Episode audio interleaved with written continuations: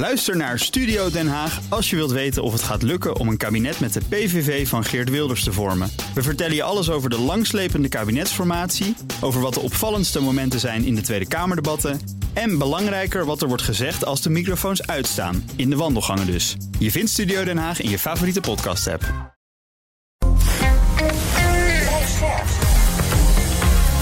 BNR Nieuwsradio. BNR breekt. Ivan Verrips. Goedemorgen en welkom. Vanaf half twaalf trouwens, aflevering 450 van BNR Breekt. Dat dan weer wel. Vanaf half twaalf praat ik over het nieuws van de dag. Over het aantal jongeren dat voor het mbo kiest. Dat daalt flink en dat werkt het tekort aan vakmensen in de hand. Hoe kunnen we die mbo-opleidingen weer eh, in trek maken? En we praten over een groeiend aantal files... Door hoge energiekosten thuis. Hoe dat zit, hoor je zo meteen. In mijn panel vandaag, Kalle Duvekot, voorzitter van de Jonge Democraten. Goedemorgen. Goedemorgen. Fijn dat je er bent. En Piet Rietman, econoom bij het Economisch Bureau van ABN AMRO. Goedemorgen. Hoi. We gaan beginnen met... BNR breekt. Breekijzer. En het breekijzer heeft alles te maken met de adviezen die Johan Remkes gisteren presenteerde. Er was al wat gelekt, er waren ook wel nieuwe en voor sommigen ook controversiële inzichten. Bijvoorbeeld het eh, binnen een jaar opkopen van de grootste stikstofuitstoters rondom Natura 2000 gebieden, 5 à 600. En ondanks dat Remkes gisteren dit zei. Ik heb niet de illusie dat dit rapport bij zowel de agrarische sector als bij natuurorganisaties als bij het kabinet tot grote vreugde zal leiden. Ondanks dat lijken de reacties van veel betrokkenen toch wel, nou, op zijn minst mild, soms zelfs positief. Je hoort er is nu ruimte om met de adviezen aan de slag te gaan. Het kabinet zelf reageert pas volgende week vrijdag, maar wij bieden alvast advies aan de hand van ons breekijzer. Het kabinet moet de aanpak Remkes één op één overnemen. Wat vind jij? Geeft Remkes een eh, goed compromis weer, waar alle belangen aan bod komen? En ja, je kan nooit iedereen tevreden houden. Of ben je fundamenteel ontevreden met wat er gepresenteerd is?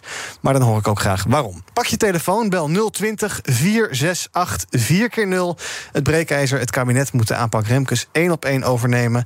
020 468 4 keer 0 En je kan ook van je laten horen via Instagram. Daar heten we BNR Nieuwsradio. Maar het leukste is even bellen. Zometeen hoor je hoe mijn twee panelleden erover denken. Maar ik begin bij Louise Vet. Zij is directeur van het Nederlands Instituut Ecologie. Hoogleraar Ecologie aan de Wageningen Universiteit. Goedemorgen. Ja, goedemorgen. Het kabinet moet de aanpak Remkes één op één overnemen. Zegt u het maar. Ja, ik ga je even corrigeren, want ik ben nu geen directeur van het eh, Nederlands Instituut Oh. voor Ecologie meer. Daar ben ik eh, weggetreden, heb ik een opvolger. Maar dat even terzijde, ik ben wel voorzitter van het Deltaplan Biodiversiteitsherstel. En dat is een grote maatschappelijke coalitie die eh, inderdaad ook eh, eh, samenwerkt aan, eh, aan ja, het eh, biodiversiteitsherstel in Nederland. Ehm, en wij hebben natuurlijk ook eh, de Remkes zelf eh, geadviseerd. En ik zat ook in de commissie Remkes toen, eh, toen het stikstofrapport niet alles kan overal uitkwam. Ja. Ehm, ik, ik ben. Mag, mag ik nu je vraag beantwoorden? Heel graag. één op één overnemen of niet? Nou, ik zou zeggen, zeker er keihard tegenaan met dit advies. En ja, natuurlijk zijn er kanttekeningen te maken. Die heb ik ook. Ik ben natuurlijk eigenlijk ook. Al ben ik de onafhankelijk voorzitter van Deltaplan, een, een donkergroene. Dus er zijn inderdaad eh, kanttekeningen bij te plaatsen. Maar ik ben heel blij. Het volgt ook heel sterk uit het advies. Niet alles kan overal. Maar wel echt op zijn remkes, helder, eh, krachtig, eh, goed opgebouwd is het eh, overgekomen. En ik denk dat positivisme, laten we nou samen gewoon aan de gang gaan. Daar ben ik zeker, eh, ja, daar, daar kan ik helemaal achter staan. Ja, en, eh, dus, eh, en dan zullen we snel moeten naar een, soort landbouwakkoord... waarin het dus ook nog eens een keer heel duidelijk wordt... dat het eigenlijk gaat om een hele transitie in die hele landbouw. Ja, en dat we dus niet alleen naar stikstof moeten kijken, maar dat het een veel breder verhaal Ja. is. Ehm, de- toch, Ja. toch even kort, niet heel uitgebreid, maar even, wat zijn, wat zijn dan, als u kijkt naar dat rapport wat er ligt, wat, wat zijn dan voor u nou, moeilijke punten? Nou, dus positief integraal aanpakken. Ja. Het niet alleen maar over stikstof, maar ook over klimaat, bodem, water. Nou ja, alles, alles wat we eigenlijk moeten aanpakken als uitdaging. Eh, het tweede positieve vond ik eh, de verdienmodellen voor de boer. Hè? Dus die boer, als je vraagt aan de boer om iets anders te doen, dan moet je ook zorgen dat het gewoon betaling voor werk wordt. En daar hebben we ook over geadviseerd, vind ik fantastisch. Maar wat ik minder vind, is de strakke zonering die er nu in zit. Alsof er dus een soort van landbouw is die verplaatst kan worden en dan lekker doorgaat. Zoals we, we dachten dat het eh, eh, ging. Hè? Dat kan dus niet. We zullen in die hele, in heel Nederland, en ik zou haast willen zeggen heel internationaal, moet je het ook bekijken. Want we hebben ook de soja-import die we eigenlijk niet meer kunnen maken. Ehm, we zullen toe moeten naar een transitie binnen om te blijven binnen die ecologische grenzen die we nu tot nu toe altijd genegeerd hebben. Dus dat betekent dat ook als je als, als bedrijf zou worden verplaatst, of je gaat naar de, de zone van, nou daar gaan we dan intensief produceren, dan zal je toch rekening moeten houden met het feit dat we uh, de kunstmest willen uitfaseren. Dat we 50% minder bestrijdingsmiddelen gaan gebruiken in de toekomst. Mhm. ook, ook vanuit Europa heel gepromoot dat we naar 25% biologisch moeten, et cetera. Dat kan niet alleen maar iets zijn van de boeren die nu even rondom Natura 2000 liggen. Want eigenlijk is de natuur, de staat van de natuur, daar heb je het over heel Nederland. Hm. En, en, dat betekent dus ook in die verschoven uh, bedrijven, of, of ik zeg, ja, bedrijven moeten inderdaad allemaal omschakelen, waar je ook bent. En dat kan ook heel goed, uh, en dat kan ook eigenlijk heel veel betekenen voor de toekomst van de boeren op een positieve manier. Dus een voorbeeld. Uh, mag ik één voorbeeld ja, geven? Kort. Dan hou ik even op. uh, dus we hebben het uh, aanvalsplan landschapselementen aangeboden aan minister Van der Wal vorige mhm. week. Die laat zien dat als een boer dus niet alleen maar voedsel produceert, maar in feite ook meewerkt aan die 10% blauw-groene dooradering door heel Nederland, op agrarisch gebied, op, mhm. op particuliere terreinen dat die boer daar 30 jaar lang gewoon voor betaald moet worden. En dat hij betaald moet worden voor de aanleg, voor de voor het onderhoud, maar ook voor de derving van inkomsten, omdat je daar niet meer produceert. Kijk, en daar kunnen we als maatschappij gewoon heel goed uh, aan beginnen. En dat kan morgen betaald worden vanuit het transitiefonds van het uh, Nationaal Programma Landelijk Gebied. De minister kan het zo oppakken, dan kunnen we morgen gelijk mee aan de slag. En dus laten we dat nou vooral gaan doen. Oké, ik wil zo meteen nog wel even van u horen wat u dan uh, vindt van Remkes. Die zei, uh, ja, uh, hoogproductieve landbouw, waarbij ik dan een beetje denk bio-industrie. Daar is ook nog wel een toekomst voor. Daar ben ik wel benieuwd naar zo meteen wat u ervan denkt. Maar ik ga eerst een rondje in het panel doen. Piet, ons breekijzer. Het kabinet moet de aanpak Remkes één op één overnemen. Ja, uh, mag dat mm. ook als antwoord op een preek? Ja, ja. dat kan. Oké, fijn, want het is, uh, ja, het is wel weer een compromis. Hè? Dus zowel in het rapport als, als in de presentatie ervan uh, wordt duidelijk dat, het, dat het, het doel kennelijk was om een compromis te vinden tussen enerzijds ehm, milieuorganisaties en, en, en natura, eh, natura-beleidsdoelen. Ja.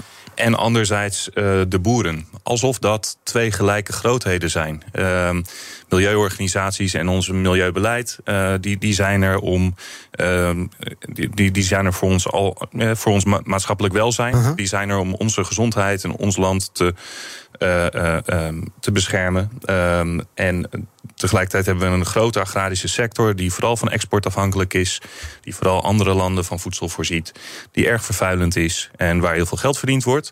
En uh, um, zo'n sector uh, wordt dan vergeleken met. Uh, nou ja, we hebben aan de ene kant hebben we radicale geluiden. En aan de andere kant hebben we radicale ja. geluiden. Dat is eigenlijk de, de boodschap van dit rapport. En -huh. dat vind ik een hele rare boodschap. Dat zijn helemaal niet gelijk, gelijke grootheden. We leven wel in een poldermaatschappij waarbij je compromissen wil bereiken.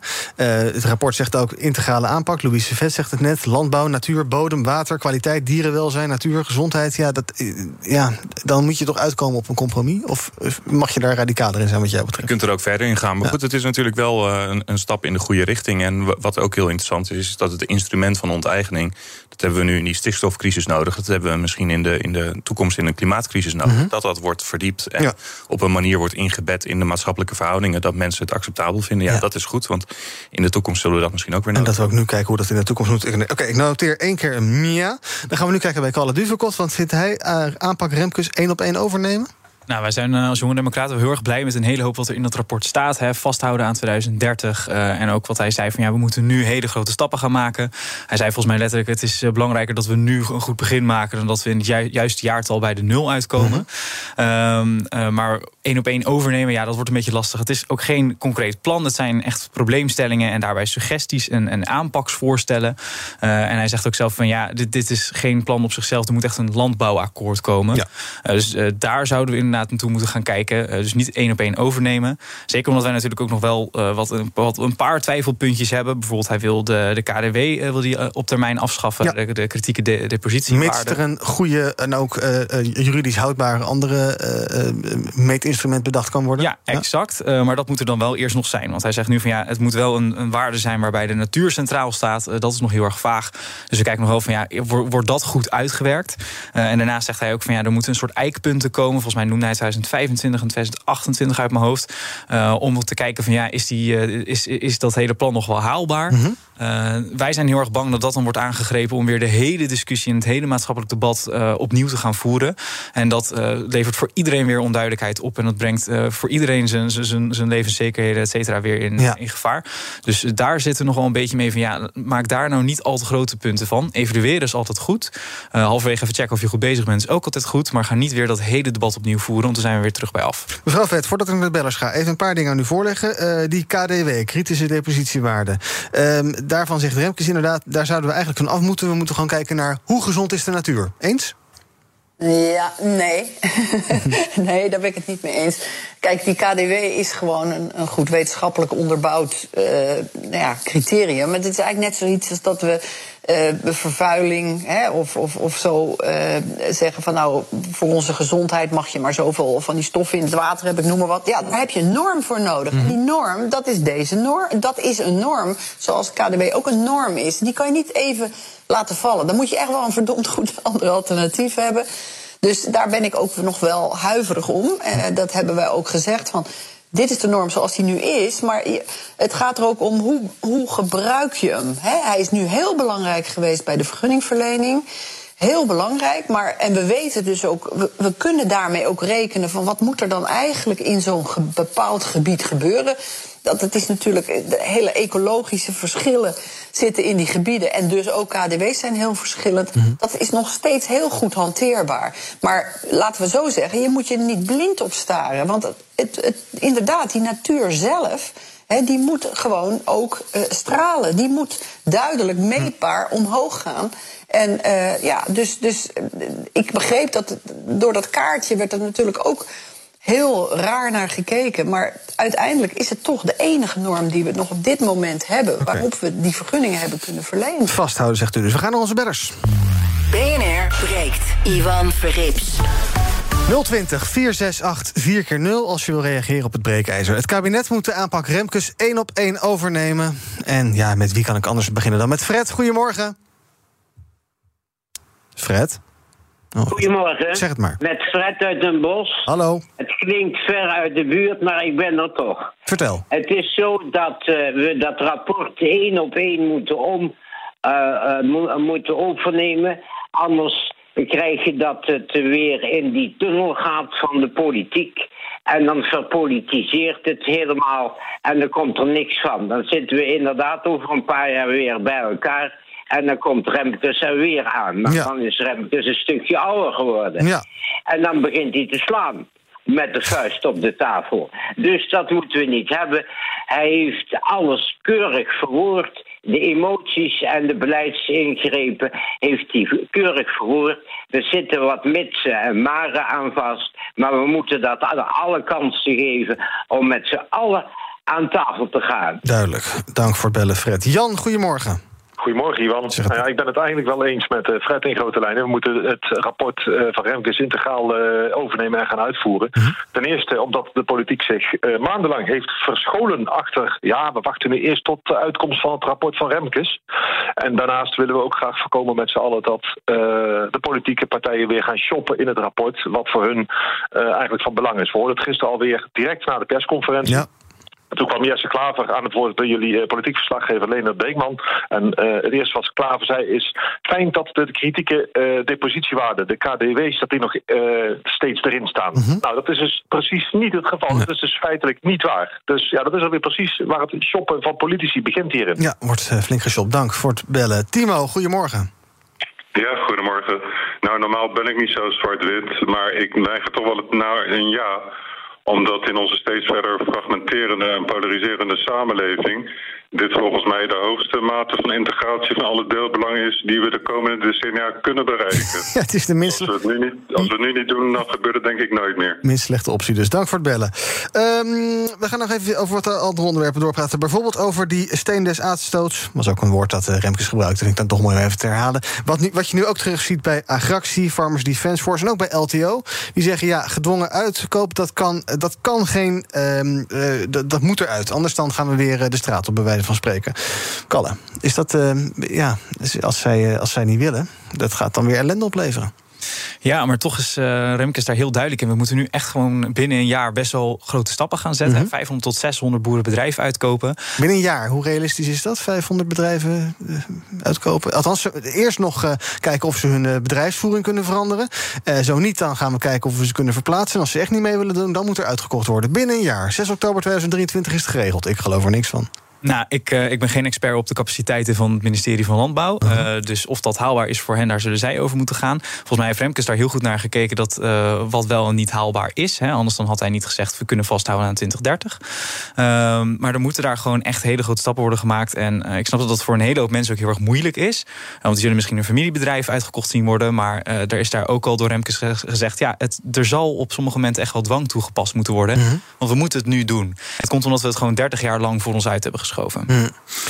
Eh trouwens, ook nog wel kritiek trouwens op D66. Om de uitspraken van Tjeerd de Groot. Die heel lang heeft gezegd, ja, we moeten de veestapel halveren en dergelijke. Daar was Remkes niet zo blij mee. Die eh, noemt dat buitengewoon onverstandig en polariserend. Ben je het daar met hem eens? Nee, daar ben ik het niet met hem eens. Het is eh, echt 30 jaar lang een taboe geweest om het hierover te hebben. Hij noemt het ook volgens mij bijzonder idealistisch voor een anderszins pragmatische partij. Ik zou dat om willen draaien. Dit is eindelijk een partij die, die, die heel erg pragmatisch daarin is. En zegt van ja, we hebben 30 jaar lang dit gewoon niet aan willen pakken als politiek. Nu moet het wel en dan gaat het pijn doen. Eh, maar dan gaan ze wel staan voor, eh, voor wat er moet gebeuren. Ja.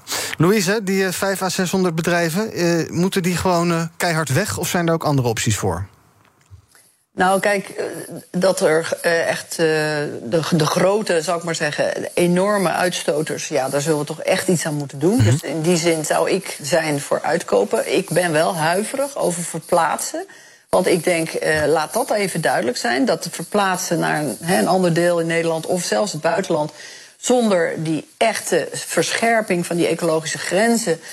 Dat, dat, dat is eigenlijk het verplaatsen van het probleem. Dat is echt niet goed. Dus eh, ik zou eigenlijk veel meer willen inzetten op een groot, echte grootschalige transitie van ook die bedrijven. En, eh, want dan, dan zit je. Kijk, in een transitie moet je altijd iets afbreken en je moet iets opbouwen. Nou, als we inderdaad sommigen die echt niet meer kunnen in deze tijd. Hè, dat hebben we ook met de nerds gezien, bij wijze van spreken.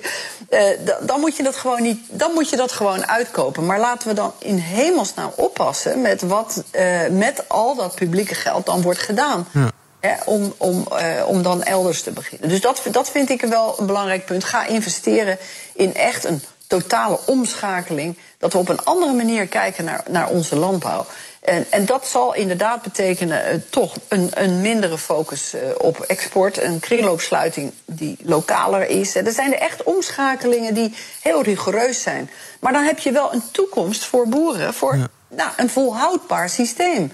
Dus dan, dan denk ik dat de maatschappij ook veel meer respect heeft voor boeren. Waar het natuurlijk ook ontzettend pijn heeft gedaan voor boeren. Dat ze altijd de zwarte piet krijgen toegespeeld.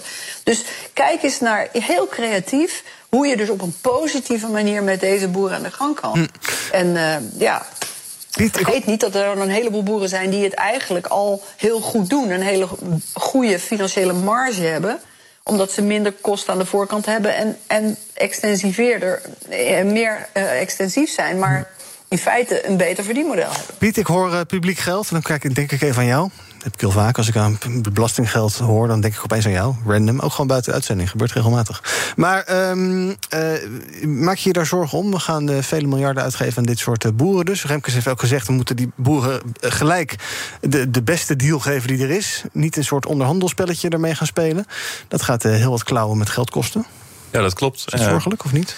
Nou, dat, dat weet ik niet. Het is denk ik een, eh, eigenlijk een heel normaal uh, publiek instrument om, uh, om bedrijven of particulieren uit te kopen. Dat uh, komt op allerlei manieren voor. Als je een koophuis hebt, kijk maar eens in je, in je koopcontract van destijds, dan staat er een clausule in. Als er een snelweg moet komen, dan. ja, als ja. De, de, de, gemeente een metrobaan aanlegt, ja, dan, dan kunnen ze je uitkopen. Ja. En, en bij zwaarwegend maatschappelijk belang kan het ook zo zijn dat je niet alleen uitgekocht kunt worden, maar dat er ook dat je gedwongen uitgekocht kunt worden met daaraan vast een compensatie. Dan wordt de onderhandelingspositie van degene die uitgekocht wordt natuurlijk uh, zwakker als het ook gedwongen kan. Want dan is er altijd die stok achter de deur. Dus dan is het bedrag dat je uiteindelijk krijgt natuurlijk lager. Mm -hmm. Maar alsnog zijn daar hele ja, uh, gangbare methodes voor om dat bedrag uit te rekenen. Ja, maar ik snap dat als je een financieel belang bij hebt en je ziet het woord gedwongen staan, dat je dan denkt: oh, nou daar, daar gaat die grote som geld die ik in het vooruitzicht had. En ja.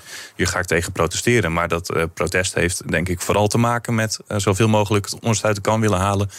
En niet met uh, alle andere argumenten die daar de laatste tijd bij gehaald worden. Ja. Uh, voordat ik uh, Frans aan. Nee, ik ga, niet, ik ga nu gewoon nu Frans aan het woord laten. Frans, goedemorgen. Goedemorgen. Zeg het maar. Ja, kijk, van, uh, de, de, de focus op de discussie gaat nu ook weer heel erg over, alleen over de landbouw. Remkes heeft het wel zeker ook breder getrokken van kijk ook naar de, naar de andere sectoren. Ja. Maar ik denk dat het ook een heel belangrijk punt is. Uh, Remke spreekt over de landbouwvisie. Welke rol vinden wij belangrijk dat wij als Nederland in de voedselvoorziening in de wereld willen spelen? Mm -hmm. We onderschrijven allemaal de Sustainable Development Goals van, uh, van de Verenigde Naties. Nummer twee is, we willen geen honger in de wereld. Wat voor rol willen wij vanuit Nederland met onze kennis en kunde op dat gebied daar nou in spelen? Die discussie wordt niet gespeeld. Want op het moment, ik hoorde Jesse Klaver gisteren ook op de, op de achtergrond. En dan denk ik van, goh, je hebt het gewoon niet begrepen, want je voert de verkeerde discussie. Ga nou ook macro nadenken over die landbouwvisie. Ja, maar dat zal waarschijnlijk in, zo'n zo landbouwakkoord moeten komen. Dat moet absoluut in een landbouwakkoord uh, komen. Dat, dat, in mijn optiek moet dat de basis zijn. En voor de rest uh, ook over, uh, over de, de, de, piekbelasting. En daar schrijft Remkes ook wat over. Over de rol van de terreinbeherende organisaties. Hoe beheer je de natuurorganisaties? Ja. Laat ik één voorbeeld noemen. De heide die vergraast. Nou, dat weten we allemaal. Dan moeten we wat met schapen. Die kunnen de gra de, het gras eten. Maar op dit moment voer, ja, komt de wolf Nederland binnen. Hm. Dat demotiveert natuurlijk de schapenhouders enorm om op een goede manier ook in met, met, met het beheer van de natuurgebieden aan de gang te gaan. Ja. We, moeten, we moeten daarin keuzes maken. Daar zullen we ook uh, ja, stevige keuzes in moeten maken. Maar heel vaak willen we alles. En uh, dat is nou net hetgene wat Remkes denk ik op een hele goede manier uh, benoemt. niet alles kan overal. Nee. Maar er zijn ook heel veel plekken waar wel dingen kunnen. En daarin moeten we keuzes maken. En die zegt ook duidelijk inderdaad, naast landbouw moeten we ook kijken naar industrie, naar bouw en naar mobiliteit. Kalle, tot slot voor nu. Um, uh, wat ik nou je vraag? Ik wou nog iets aan je vragen. Oh ja, uh, inderdaad, uh, Nederland als landbouwland. Remkes zei gisteren ook: um, Nederland is een land van boeren. Nederland blijft een land van en voor boeren. Ook voor jonge boeren is er een toekomst weggelegd.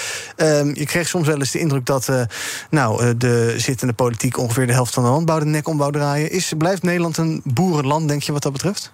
Ik denk dat we zeker een heel erg groot aandeel houden in, in, in, de, in de wereldvoorziening in, in voedsel. Uh, ik bedoel, we zijn naast de Verenigde Staten de grootste exporteur van landbouwgoederen. Ook als we daarin heel erg gaan snijden, blijven we heel erg groot. En daarom is het ook zeker aanhakend op de inbeller ernet heel erg belangrijk dat we ook op internationaal gebied gaan kijken. Welke rol willen wij daarin vervullen? En vooral ook wat kunnen wij daar samen met Europa voor doen? Johan Remke zei volgens mij gisteren ook al dat er boven de 30% van onze de stikstof komt ook uit het buitenland. -hmm. Dus de volgende stap nadat we een landbouwakkoord hebben, zou ook zijn om zeker eens te gaan kijken met onze buurlanden. Hey, hoe kunnen we dat ook als Europa zijn ja. verminderen? En daar kunnen we ook meteen dan het punt in meenemen... welke rol willen wij in de wereld vervullen. Ja. Louise, tot slot, het eens met de Frans die zegt... het gaat veel te veel over landbouw. Dat sluit ook een beetje aan bij wat Remkes gisteren zei. We moeten ook naar al die sectoren kijken. En als we nu verder gaan met zo'n integrale aanpak... Uh, laten we dan misschien ja, natuurlijk ook over landbouw blijven praten. Is geloof ik 40% van de uitstoot. Maar ook goed kijken naar al die andere sectoren... en dat misschien ook die aandacht daarvoor iets eerlijker verdelen. Ja, dat, dat, dat stond ook al in het rapport. Uh, alles kan, uh, niet alles kan overal. Maar zeker die andere sectoren die, uh, die moeten kunnen bijdragen. En daar moeten we veel meer druk op zetten. Dat vind ik ook. En het is niet alleen maar de boeren.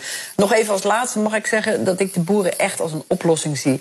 En als wij het uit de politieke nou, discussie willen halen. Ik zeg ook tegen het CDA of een VVD of wat dan ook. Als wij in staat zijn om in Nederland hè, op een duur, echt duurzame manier voedsel te produceren Uh, en, en dan ook nog die biodiversiteit te behouden, die natuur te herstellen. Ja, dan hebben we het mooiste exportproduct uh, voor, voor eigenlijk elke metropool in, in, in, in de wereld. Uh, want we in dit kleine landje, als we dat voor elkaar krijgen, ja, dat, dat kan met een echte transitie. Ja, super. Dan zie ik een supergoed voorbeeld voor ja. uh, hoe wij uh, met onze innovatieve landbouwsector ja, niet de wereld gaan voeden, maar wel met kennis. En ik hoop dat het die kant op gaat. Nou, laten we zien of dit rapport daar een soort nieuw begin van kan zijn om die discussie te voeren. En ook van de industrie kwam al positieve geluid, althans uh, Gemelot en Tata Steel. Die zeiden ja, wij hebben ook verantwoordelijkheid in dit stikstofdossier. Nou, wellicht kan dat allemaal worden meegenomen. En eigenlijk is het best kort, anderhalve week het kabinet voordat de reactie komt. Maar die verwachten we ergens eind volgende week. Oké, dank. Louise Vet van het Deltaplan Biodiversiteitsherstel en hoogleraar Ecologie aan de Wageningen Universiteit. Zometeen praat ik met mijn panelleden door over het andere nieuws van de dag. Over het aantal jongeren dat voor MBO kiest. Dat daalt flink. Terwijl we juist heel veel vakmensen nodig hebben. En we praten over het groeiend aantal files door hoge energiekosten thuis. Zometeen in het tweede deel van BNR Break. Tot zo. Ook Harm Edens vind je in de BNR-app. Je kunt BNR Duurzaam niet alleen live luisteren in de app, maar ook terugluisteren als podcast, zoals al onze podcasts. En naast dat de BNR-app Breaking News meldt, houden we je ook op de hoogte van het laatste zakelijke nieuws. Download nu de gratis BNR-app en blijf scherp. BNR Nieuwsradio. BNR breekt. Ivan Verrips. Welkom terug. In mijn panel vandaag Piet Rietman, econoom bij het economisch bureau van ABN AMRO... en Kalle Duvekot, voorzitter van de Jonge Democraten. We gaan praten over het nieuws van de dag. En we beginnen met het mbo. Want steeds minder jongeren kiezen voor een mbo-opleiding... blijkt uit CBS-cijfers. En het gaat vooral om de studierichtingen techniek, industrie en bouwkunde. Een daling te zien van 0,7 procentpunt ten opzichte van 10 jaar geleden. En ja, dat zijn nou juist de beroepen waar behoefte is aan nieuwe aanwas... waar heel veel vraag naar is. Um, Kalle, ooit een MBO-opleiding overwogen? Nee, nee, eerlijk gezegd niet. Nee. Ik ben daar gewoon niet, niet, niet goed genoeg met mijn met, met handen voor. Ik kan alleen iets met een boek. Ja, oké. Okay. Uh, Piet? Ook ja. wel, ja, ik heb wel opgezeten. Ik heb met een stapelaar. Ik heb wel MBO, HBO en universiteit uh, gedaan. Ja. ja. En uh, wat heb je gedaan? Ik, ik heb een jaartje heb ik de middelbare hotelschool gedaan. Oh, leuk. Ja, dan leer je vooral heel veel over koken. Ja. Dat was heel leuk. Ja. Maar toen uh, dacht ik, ik ga weer wat anders doen. Ja, dan doe je ook wijnproeven op, op school, toch? Ja, ja, zeker. Aan, aan, aan het begin van je lesdag en dan nog de rest van de dag doortrekken. Nou, we, de, ja, we hebben eigenlijk best wel veel gedronken in dat jaar. Ja. En dan was ik 16. Ja, klopt. Nou. Niet zegt. Dus de beste tip om naar het MBO te gaan, denk ik. Nee, serieus. Eh, Piet, heb jij ideeën over. het- ja, kijk, eh, we zitten heel erg in een samenleving waarbij het idee is van eh, als je kan, dan moet je lekker HAVO gaan doen en eh, liever nog VWO en dan liever nog naar een universiteit. En ja, eh, dat is, wordt ook heel erg gepusht. We moeten allemaal hoog opgeleid zijn. Maar we hebben ook allemaal eh, praktische eh, banen nodig. Ehm, ja, eh, help eens eventjes. Hoe kunnen we dit probleem oplossen? Ja, zeker. Ik denk dat er een combinatie van, eh, van, van oplossingen nodig is. Het is denk ik voor een deel is het imago.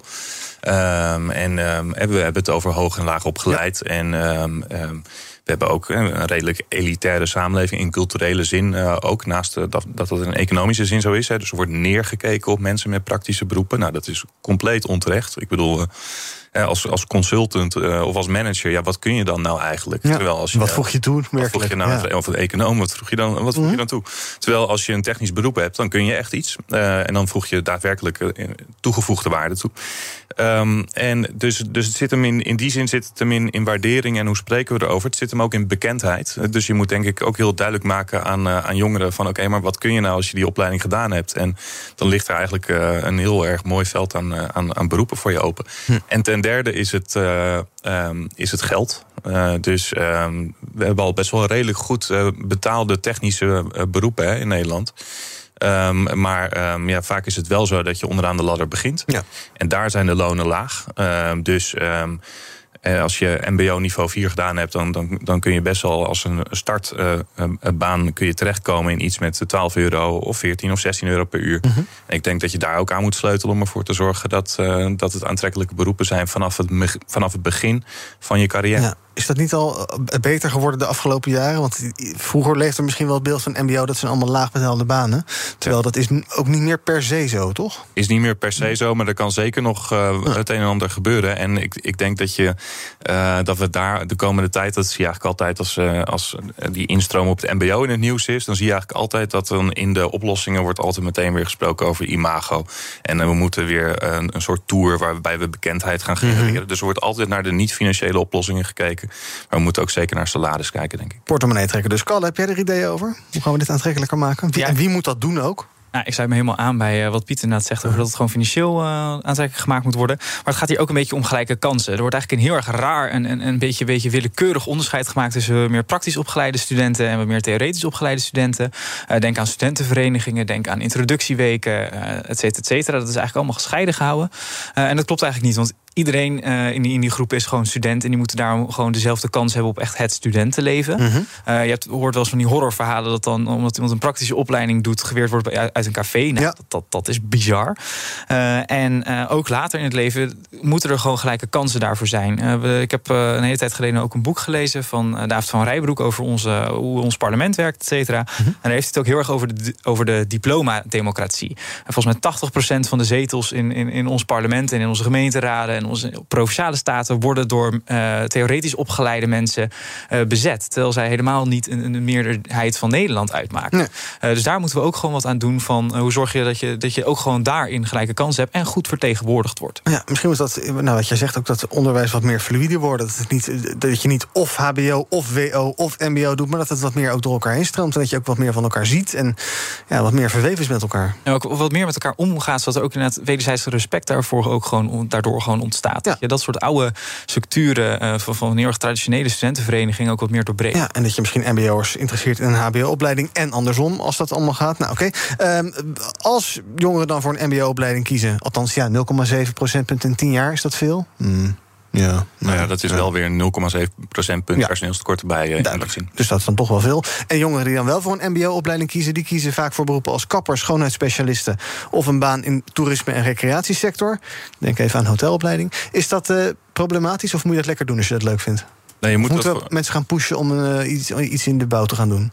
Je moet het ja, pushen. Wat is pushen? Je moet mensen vooral laten doen wat ze leuk vinden. Maar je moet ook duidelijk maken wat de beroepsperspectieven daarbij zijn. En dat geldt voor alle opleidingsniveaus. Hè. Dus je moet ook aan de 18-jarige duidelijk maken hoe je toekomst eruit ziet als je antropologie gaat studeren. Uh, of sociologie. Wat hele interessante en nuttige studies zijn. Maar het beroepsperspectief dat daarbij hoort, moet aan mensen bekendgemaakt worden. En hetzelfde geldt voor uh, uh, technische beroepen. Misschien een onverwacht bijeffect van de hoge energieprijzen. File. Ja. Zit weer in een file. Kans is groot dat je binnenkort vaker in de file staat. Vreest de coalitie anders reizen? Naar aanleiding van een onderzoek dat ze gedaan hebben onder thuiswerkers. Want 46% van de thuiswerkende Nederlanders geeft aan dat ze van plan is om weer naar kantoor te gaan. En om daar de auto voor te nemen. En dat heeft te maken met de besparing op de energierekening thuis. Piet, ik zit dan te denken, als ik een beetje bierviltje reken... heeft het zin om in mijn uh, benzineauto te stappen... om naar kantoor te rijden om thuis de cv uit te laten? Gaat, kan, ja, kan dat uit? Ja, het hangt er misschien vanaf hoe ver je van je werk woont. Maar... Ja, precies. Het ja. hangt vanaf. Ik heb zitten rekenen. Het hangt vanaf van, van heb je een, uh, heb je een kilometer. Ja, iedereen heeft een kilometervergoeding. Maar ja. sommige mensen ook een thuiswerkvergoeding. Dus... En ook niet iedereen heeft een kilometervergoeding nee, trouwens. Nee, okay. precies. Maar goed, stel je hebt die uh, thuiswerkvergoeding niet. En je hebt wel een kilometervergoeding. Je werkt ver van, van je huis. En dan heb je thuis hoge energiekosten. Ja, dan tekent het zich uit dat je inderdaad beter naar je werk kunt. Uh, om, om, omdat dat financieel gewoon gunstiger is. Dat weegt dan op tegen die benzinekosten. Ja. Uh, maar goed, het is natuurlijk wel diep dat mensen dit soort maatregelen moeten gaan nemen om rond te komen. Dat, dat zegt wel iets over hoe het uh, uh, mensen, zowel laag als middeninkomens, toch wel water aan de lippen staat op ja. dit moment. En bovendien, ja, de energierekening op werk, die wordt ook door iemand betaald. Dus ja, ja uiteindelijk betaalt, wie betaalt dat uiteindelijk? Ja, die werkgever. Maar... Ik weet niet of de verwarming nou hoger moet als er meer mensen in de kantoorruimte zitten. Nee, maar energie is al duurder.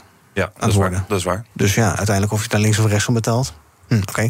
Ehm, ja, doordat meer mensen dus de auto pakken, worden files steeds langer. Maak je daar zorgen om, Kallen? We zien het ook in de verkeersinformatie elke ochtend. Het gaat weer richting de honderden kilometers. Ja, nou, het, het is gewoon zorgelijk. Eh, zeker inderdaad, eh, om wat Piet al zei... het is gewoon een verschrikkelijke reden... dat mensen gewoon thuis de verwarming niet meer aan kunnen zetten... en daarom maar naar kantoor bijna vluchten. Eh, het is natuurlijk ook ontzettend slecht voor het milieu... dat we met z'n allen in de file staan. Ontzettend slecht voor de economie dat we met z'n allen in de file staan. Het, het artikel gaf al een aantal, aantal oplossingen. Help met het verduurzamen van die huizen... zodat, zodat dat ook wel weer, weer scheelt in die energierekening. Eh, zorg voor alternatief transport als werknemer. Maar als overheid kunnen we daar ook wat mee. Eh, ga gewoon echt goed investeren in het openbaar vervoer. Zorg dat je gewoon betrouwbare eh, dienstregelingen hebt, et cetera, et cetera. Dat alles gewoon rijdt. Eh, Er want is ook veel om te doen nu, want je staat hutje-mutje in de trein. Exact. Ja. En eh, nou, ik had vanochtend op weg hier naartoe al dat er twee treinen of twee treinverbindingen op rij eh, wegvielen vanwege vertragingen. Eh, ik ben net iets voor elf de, de studio binnenkomen hollen. Oh, daarom ben je helemaal bezweet. Ah. Oh, nee. ja, dat valt ook best wel mee. Maar, eh, nee, maar je ziet gewoon dat als mensen echt ergens op tijd moeten zijn... en, en ze, denken, nou, zal ik de trein nemen of zal ik de auto nemen... dan kiezen ze toch voor de zekerheid van die auto. En dat moeten we niet hebben. En die trein moet betrouwbaarder en betaalbaarder worden, denk ik. dan. Zeker. Ook Liesbeth Staats vind je in de BNR-app. Ja, heel handig. Luister live naar Kees en mij tijdens de Daily Move. Dan blijf je ook gelijk op de hoogte van breaking news en het laatste zakelijke nieuws. En daar vind je ook alle BNR-podcasts, waaronder de Perestrooikast. Download nu de gratis BNR-app en blijf scherp. BNR Ja, even kort die huizenprijzen. Ehm, derde kwartaal gemiddeld met bijna 6% goedkoper geworden. Fijn als je een huis wil kopen, dramatisch als je een huis hebt? Nou, ik, ik weet niet of je daar nu al uitspraken over kan doen. Altijd na de NVM-cijfers komen de kadastercijfers. Eh, en dan zie je wat er heel precies gebeurt. Eh lastige is dat, zoals ik het begrijp... ehm, ik heb het ook maar gisteren door onze woningmarkt-econoom laten uitleggen... maar het is, het is zo dat er natuurlijk eh, prijscategorieën zijn van woningen. En als er sommige woningen bijvoorbeeld op dit moment gewoon niet verkocht worden... heel lang te te koop staan, dan... dan komen er minder van die categorie woningen in dit totale cijfer. Ja, ja. Dus dat wordt een samenstellingseffect genoemd. En daardoor kan het zo zijn dat het eigenlijk minder dramatisch is dan het nu zo lijkt. Oké, we gaan kijken naar wat jullie zelf is opgevallen nieuws. Kalle, jij wil het hebben over een, eh, eh, ja, bij een noodoproep van wetouders. En die hebben een brandbrief gestuurd. En die zeggen: help ons met eh, het uitbetalen van een energietoeslag aan studenten. Want er is eigenlijk te weinig voor geregeld. Ja, nee, het is, uh, er zijn best wel alarmerende verhalen uh, uit, uh, uit de studentenhuizen. Echt mensen die zelfs hun, hun laptop oplader dan oh ja. expres laten verhitten om dan als kruik te gebruiken. Met alle brandgevaar natuurlijk van dien. en er moet daar gewoon inderdaad wel goed wat voor geregeld worden. Het kabinet is daar wel mee bezig. Hè. Er werd eerst gezegd van energietoeslag is toch niet voor studenten. Dat is toen bij de rechter aangevochten. Toen heeft Kaag volgens mij naar de Kamer een brief gestuurd van nou, dan gaan we kijken naar de individuele bijzondere bijstand. Of we ze daarmee kunnen helpen. in principe heel goed, want dat, dat, dat, dat galmt ergens, dat, ergens, dat echoot ergens maatwerk. Uh, maar ja, dan moet je dat wel goed blijven uitvoeren. Mm -hmm. Dat is nu aan Carola Schouten. Uh, ja, wij zien vooral nu een beetje de, de zorg dat uh, misschien die, die, die drempel om daaraan, daaraan te voldoen, hè, voor de individuele bijzondere bijstand, net wat te hoog wordt gelegd voor studenten. dus daar, daar, maken we, daar hebben we geen directe bewijzen van, maar daar maken we ons wel heel erg zorgen van. Want ja, wij zien het nu al gebeuren dat terwijl je nu al hebt dat studenten in dezelfde woonsituatie zitten, maar een andere financiële compensatie krijgen vanwege de stad waarin ze wonen. Mm -hmm. Dan zometeen misschien ook nog je studenten krijgt die eigenlijk wel voldoen aan de voor, voorwaarden van die uh, energietoeslag. Ja. Dat niet mogen krijgen van hun eigen gemeente. En dan ook net buiten de boot vallen bij de individuele bijzondere bijstand. Ja. Dus wij willen echt oproepen aan vooral Carola Schouten. Ga goed kijken naar die uitwerkingen. Zorg dat die, die studenten ook gewoon de winter doorkomen. Maar is dit uh, uh, ongelukkig omdat er ook allerlei dingen zijn rondom privacy en gegevens die op bepaalde plekken wel en niet zijn? Dat soort zaken? Of is het gewoon onwil? Wat denk jij? Wat hier gebeurt? Want ja, de studenten kunnen geen uh, uh, aanspraak maken op die 1300 euro bijvoorbeeld. Nou, ik, ik denk dat dit weer een gevalletje is van wat, wat laat je aan het Rijk over, wat laat je aan de gemeentes uh -huh. over. Uh, er is nou een hele hoop aan de gemeentes overgelaten. Maar dat werkt dus niet? Dat, dat pakt in een, hele hoop in een hele hoop steden verschillend uit. Met ja. dus eigenlijk gewoon ongelijkheden en ongelijke kansen tussen verschillende studenten. Dat wil je niet hebben. Uh, dus daar moet er echt een beetje vanuit Rijk gekeken worden. Hoe gaan we dat een beetje recht trekken? Hoe gaan we zorgen dat er eigenlijk niemand buiten de boot valt die da, die steun gewoon echt nodig heeft? Ja, en daar kan niet heel te, al te veel tijd overheen gaan, denk ik. Nee, zeker niet, want het wordt nu al kouder. Uh, ik uh, dacht vanochtend al aan een aantal maatregelen om met mijn huis af te spreken. Ik woon in een studentenhuis uit de jaren 60, komt tot pand.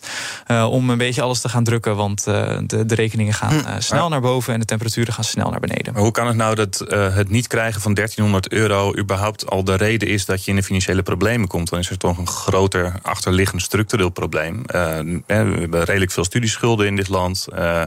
en en de, de basisbeurs, de nieuwe basisbeurs, die is ook aan de lage kant. Dat zijn toch twee verschijnselen waar ook jouw partij heeft aan heeft bijgedragen? Nou, het is uh, zeker zo dat, dat gewoon studenten heel weinig uh, financieel vlees op de botten hebben. Um, en uh, nou, we zijn in ieder geval blij dat er überhaupt weer een basisbeurs is. en geen leenstelsel. dat, daar val ik zelf nog wel onder. Um, maar inderdaad, we kunnen altijd gewoon kijken naar joh, hoe, hoe kunnen we die compensatie beter krijgen. En hoe kunnen we die basisbeurs inderdaad goed krijgen. Hoe, hoe gaan we structureel inderdaad de positie van studenten verbeteren.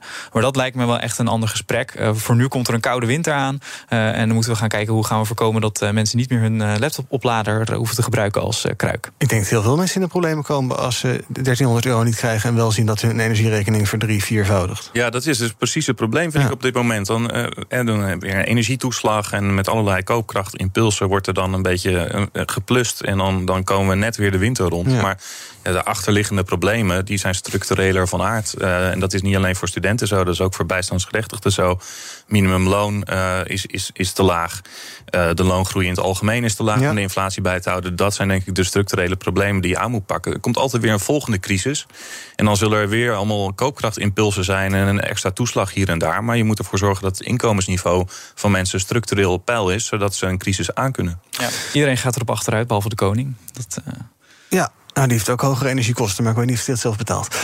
Um, Piet, jij wil uh, praten over een artikel dat we vanochtend op nu.nl lazen. Bovenaan met een uh, tamelijk alarmerende kop. Ouders durven niet te zeggen dat ze hun kind met lege maag naar school sturen. Ja, ja, vreselijk hè? Ja. Ik schrok daarvan, maar ik herken het verschijnsel ook wel. Het is uh, um, eigenlijk zo dat we allerlei verschijnselen in de economie kunnen we op heel erg een kwantitatieve manier kunnen we dat duiden. Pakken er cijfers bij. We kunnen een beetje voorspellen hoe mensen zich gaan gedragen op basis van financiële prikkels. En mm-hmm. Noem maar op. En, maar weet je, op het moment dat de koopkracht heel hard daalt en het aantal mensen in de armoede stijgt, dan zijn er dus allerlei gedragseffecten die we als economen eigenlijk helemaal niet zo snappen. Uh, en dat is dat mensen zich schamen voor armoede. En dat is ook dat mensen financiële stress hebben door armoede. Dat ze zich dus heel erg gaan, gaan focussen op het oplossen van hun financiële problemen. Uh, en dat daardoor allerlei andere uh, uh, uh, zaken die je ook in je leven moet regelen, dat die uit beeld verdwijnen. En dat je Mhm. dat daardoor minder goed doet. En ehm, ja, bij alle cijfers die we zien, want ja, wat, wat, wat zegt er nou hè, als je leest dat de koopkracht 5% daalt. Maar tussen al die cijfers moet je denk ik ook snappen dat er dus mensen zijn die eh, nu in de situatie zitten. één, dat ze niet alle hulp durven te vragen die ze, die ze, die ze kunnen vragen. En Um, dat los je niet op met de oproepen. Durf het maar wel, doe het maar toch. Nee, mensen doen dat niet omdat ze um, zich schamen. Ja, en ten tweede um, ja, allerlei andere dingen in je leven gaan missen. Als er brieven van de incassobureaus op de, op de deurmat liggen. Ja. Um, ja, zie dan nog maar eens met de financiële stress die dat oplevert. Uh, gezond te leven. Uh, of een uh, goed werkend sociaal leven te hebben. Ja. Of een sollicitatiebrief te versturen. Ja. Dat zijn allemaal taken die moeilijker worden op het moment dat je financiële problemen hebt. Ja, maar die schaamte is niet zo gek, toch? Want het is niet zo leuk om tegen anderen te zeggen dat je geen geld hebt. En dat je dus je kind geen eten kan geven. Waarom, waarom is dat eigenlijk niet zo gek, vraag ik mij dan dat, af. Dat, uh, dat is, dat, blijkbaar levert dat een gevoel van falen op en, Ja. en gêne. En uh, Ja. je kan je blijkbaar niet in je eigen levensonderhoud voorzien. Ja, maar Daar dat- is niet iets om trots op te zijn. Althans, dat is denk ik een gevoel dat je dan daaraan overhoudt. Ja, maar dat is de, de, de, de keerzijde van de succes is een keuze-ideologie die we met z'n allen hebben. Dus, dus op een moment dat mensen slagen in iets in het leven, dan feliciteren we natuurlijk die persoon. En dan zeggen we het komt door jouw individuele inzet. Nou, dat is hartstikke mooi om zo te denken. Ik denk dat dat heel goed is voor je zelfvertrouwen. Maar de keerzijde van zo'n manier van denken is natuurlijk ook dat als mensen falen, dat we dan denken dat het door hun eigen individuele inzet of afwezigheid juist komt dat ze zo gefaald zijn. Eh, Maar dat is niet zo. Eh, armoede ontstaat niet door individueel falen. Armoede ontstaat door structurele ongelijkheid. Eh, door te grote verschillen tussen inkomens en tussen inkomen en vermogen. Daardoor ontstaat armoede. Ja, ligt niet aan jou dus. Nou ja, niet, ik bedoel- als, als, dit, als, dit, je- als je zo iemand bent met een kind en je durft niet te zeggen dat je je kind niet genoeg eten kan geven, dan moet je niet jezelf daar de schuld van geven. En enorm daarvoor gaan schamen. Maar Ja. Nee, maar je kunt het, je kunt het gewoon uh, voor sommige inkomensgroepen. Uh -huh kun je gewoon aantonen dat het echt niet aan hen ligt. Als je een bijstandsgerechtigde bent, 1020 euro als alleenstaande krijg je in de maand. Um, en um, ja, het Nibud heeft uitgerekend dat je daarvan net je sociale huur, net je boodschappen kunt betalen. Als je dan een koopkracht terugval krijgt ten grootte van ongeveer 200 euro, dan kun iedereen uittekenen dat er dus elke maand uh, betalingsachterstanden ter waarde van 200 euro bijkomen. Het heeft niks met individueel falen te maken, Precies. maar alles met dat die bijstand te laag is. En dan kan je niks aan doen. Oké, okay, we kijken tot slot nog even wat de training de socials. Hashtag prijsplafond zien we terug. Heeft allemaal te maken met dat prijsplafond voor gas en stroom... dat door het kabinet is geïntroduceerd. Ook Kadirov, zo heet de nieuwe kolonel-generaal in het Russische leger... die gisteren door president Poetin is benoemd. Omstreden waarnemend president van Tsjetsjenië is die. Hij wordt ook wel de bloedhond van Poetin genoemd. En tot slot ook nog trending hashtag uh, Kruifturn en Total Voetbal. Nederlandse voetbaluitdrukkingen die zijn opgenomen... in de nieuwe editie van het Oxford English Dictionary. Met Kruifturn wordt gedoeld op de beroemde schijnbeweging van Johan Cruijff... en de term total voetbal verwijst naar het totaalvoetbal van Nederland in de jaren 70. En tot slot is nog trending Thailand, vanochtend bekend geworden. Een uh, vreselijke aanslag, een uh, mass shooting, 34 doden, waaronder 22 kinderen. Um, en uh, nou ja, het is uiteraard ook weer een vreselijk verhaal. Goed. Daarmee eindigt deze uitzending van BNR Breek. Dank voor jullie aanwezigheid vandaag. Dank Kalle. Leuk om er te zijn. Dank Piet. Ja, graag gedaan. Graag tot de volgende keer. Lekker blijven luisteren. Dan hoor je zo meteen Thomas van Zel met Zaken doen. Bij BNR ben je altijd als eerste op de hoogte van het laatste nieuws. Luister dagelijks live via internet. Bas van Werven. En heel langzaam komt de zon op rond dit tijdstip. Je krijgt inzicht in de dag die komt op BNR, het Binnenhof in Nederland en de rest van de wereld. De Ochtendspits. Voor de beste start van je werkdag. Blijf scherp en mis niets.